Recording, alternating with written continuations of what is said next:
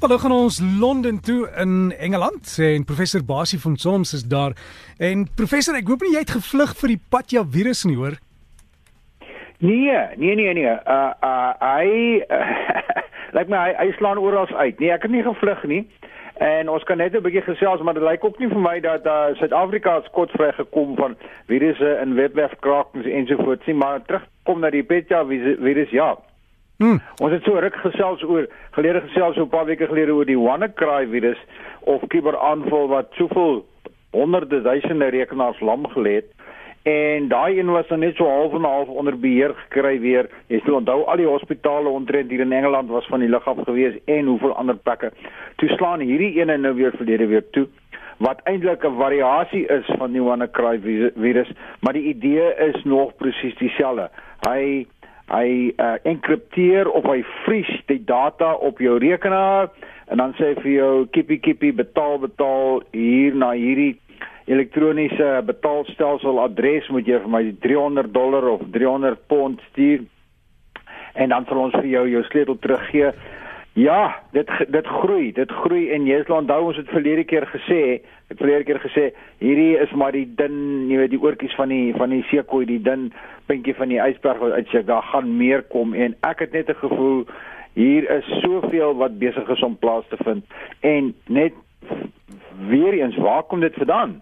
Hierdie wapens, hierdie hierdie programme wat gebruik word om hierdie virusse te skep was gesteel geweest of verlore gewees deur die Amerikaanse veiligheidsdiens wat al hierdie kuberwapens ontwikkel het en nou is dit in die hande van al hierdie kubermisdadigers en nou gebruik hulle hierdie kragtige kuberwapens om hierdie tipe goed te doen. So, ja, dit lyk ja. nie goed nie, maar as jy geslaan word, gaan jy of die die boete betaal of jy moet die normale maatreëls tref. Onthou wat ek verlede keer gesê het, sorg dat jou data gerugsteun is.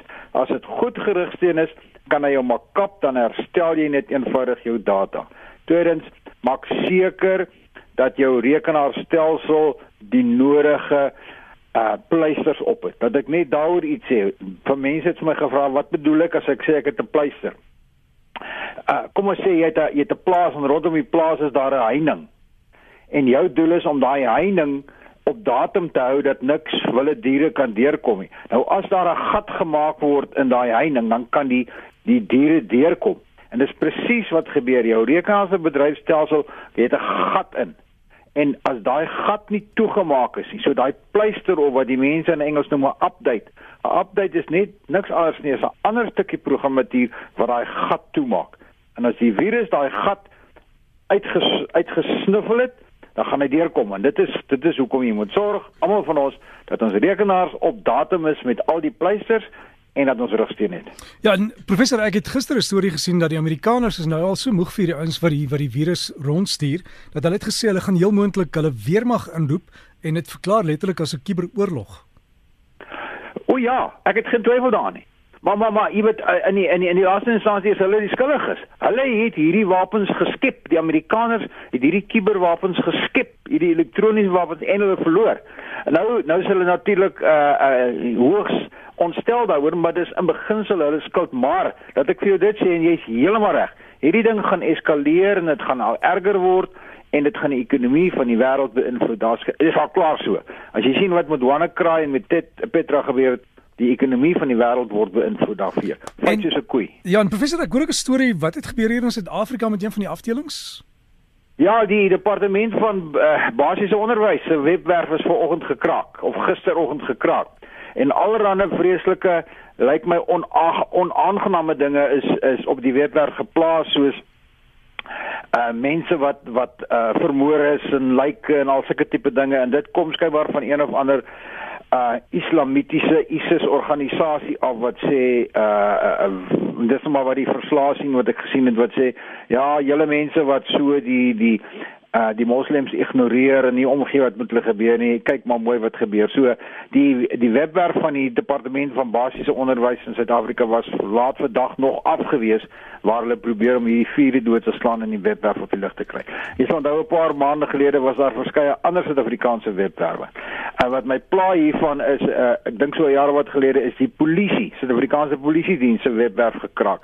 En daar het hulle toe 'n klomp data afgehaal van mense wat wat anoniem soort van uh uh vleistervinke of wat mense hulle noem uh data aan die polisie verskaf het oor uh, oor kriminele dade en daai data is ook gesteel en dis op die webwerf gepubliseer.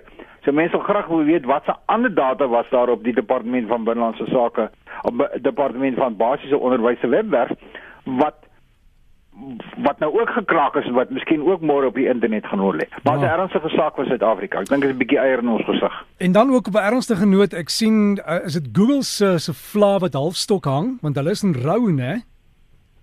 O ja, ja Google is is is in beginsel skuldig bevind deur die Europese Unie met 'n boete van 35 miljard dollar dink ek. 35 miljard dollar ja. Nou, dis meer as wat ek verdien in 'n maand en nie waarskynlik nie meer as wat jy verdien nie, maar nogtans amper 'n maand se salaris. 35 miljard uh, dollar. Nou hoekom is hulle dit gedoen? Omdat Google en Google loop al 'n lang pad met die Europese Unie.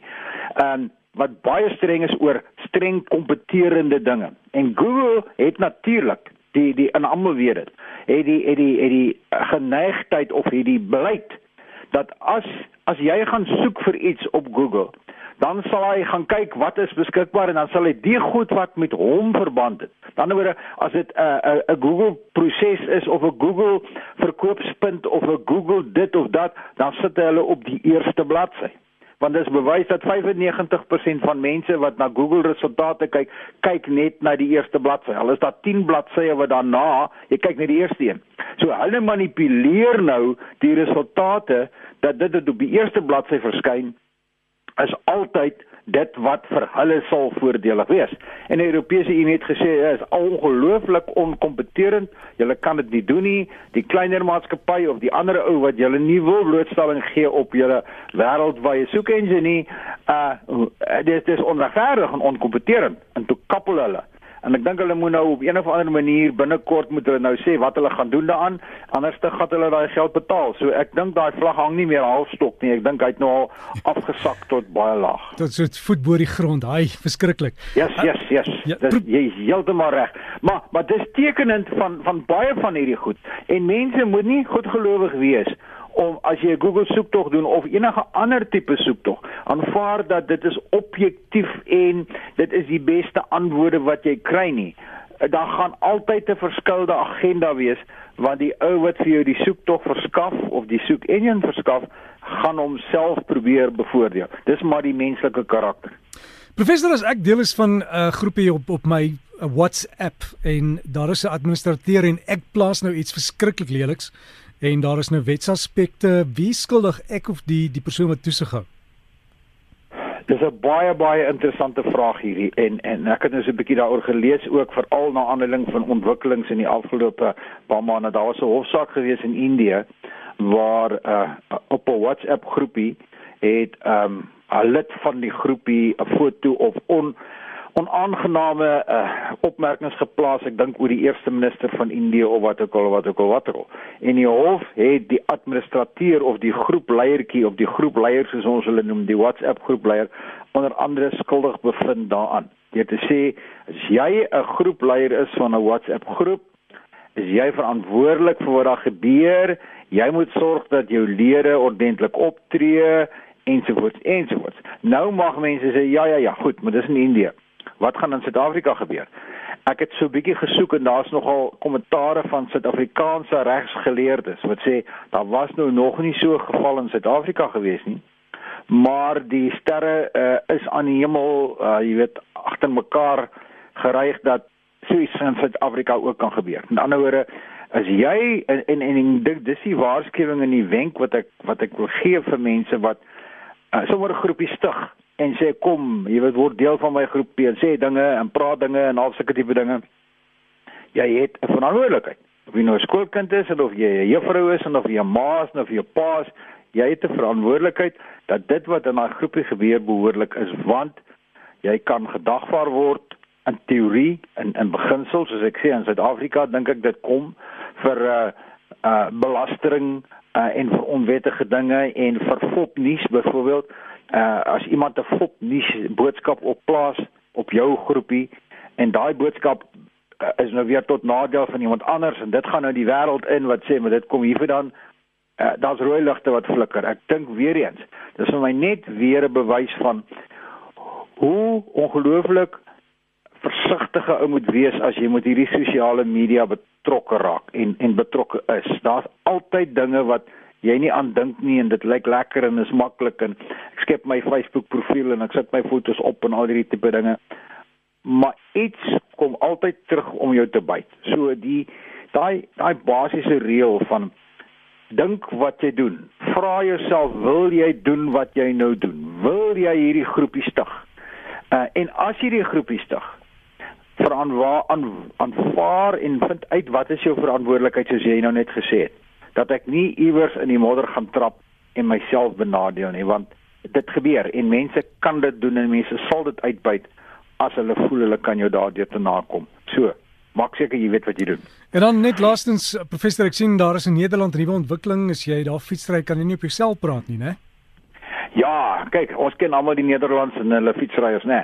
Sê maar as daar nou 'n fietsslot ontwikkel en dit is vir my baie interessant want ek het die idee dit is die voorloper van 'n paar ander goed.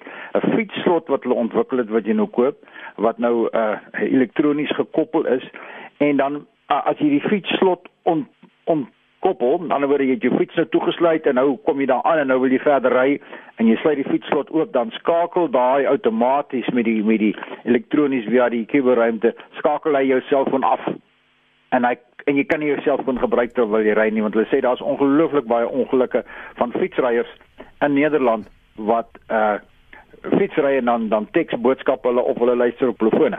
Nou natuurlik as jy nie so 'n slot het nie, gaan dit jou nie raak nie, maar dit is vir my net weer tekenend van die tegnologie wat ontwikkel en jy weet wat wat ek hierin lees nou as 'n bietjie verder kyk, is dat ons gaan ons gaan kry internasionaal dat die motors, ons motors gaan so ontwikkel dat as jy jou motor aanskakel om te ry, dan gaan hy jouself van afskakel. Dis nou nog nie daar nie, ek het dit nog nie gehoor nie en nog nie gesien nie, maar dit is net vir my logies met al die ongelukke wat gebeur met motors, uh, motorbestuurders wat bestuur en en luister of bestuur en praat, gaan op 'n of ander manier gaan motorverskaffers verplig word soos wat hulle verplig was om veiligheidsgordels aan te sit. Gaan hulle verplig word om iets in te sit wat jou selfoon neutraliseer as jy bestuur. Ek dink hou hierdie spasie dop. Hierdie Nederlanders het Nederlanders het iets hier beet wat ek dink verder uitgegroei gaan word of uitgebou gaan word oor 'n paar jaar.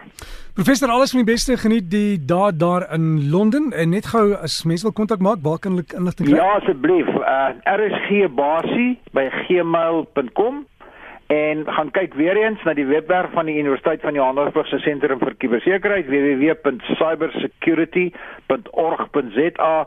Baie van die goed wat ons oorgesels is daar en uh gee maar nog 'n nuwe idees as jy hulle goed wil hê wat ons daar moet bysit. Sy professor alles van die beste en as jy kans kry gaan gaan soek vir die uh, noem die Silver Waltz in Londen. Ek weet nie veel daar was nie. Ah nee, as dit as dit 'n plek wat mens met 'n fiets kan uitkom. Ja, ek glo so, maar dis onder die grond. Niemand ry niemand ry motor in, in Londen. Nee, ek ek sal ek sal bietjie gaan ek sal bietjie gaan Google. Gaan Google, uh, dis Dis reg, ek sal hom gaan Google en dan sal ek gaan kyk of hy bo aan die lysie staan en dan sal ek so toe gaan. Ja, die wêreld baie van die wêreld se silwer word daar geberg en jy kan dit koop en Queen Elizabeth doen ook aan aankopies daar. Ah, okay. Wag. Professor, baie dankie goed vir julle almal hoor. Selfde totsiens.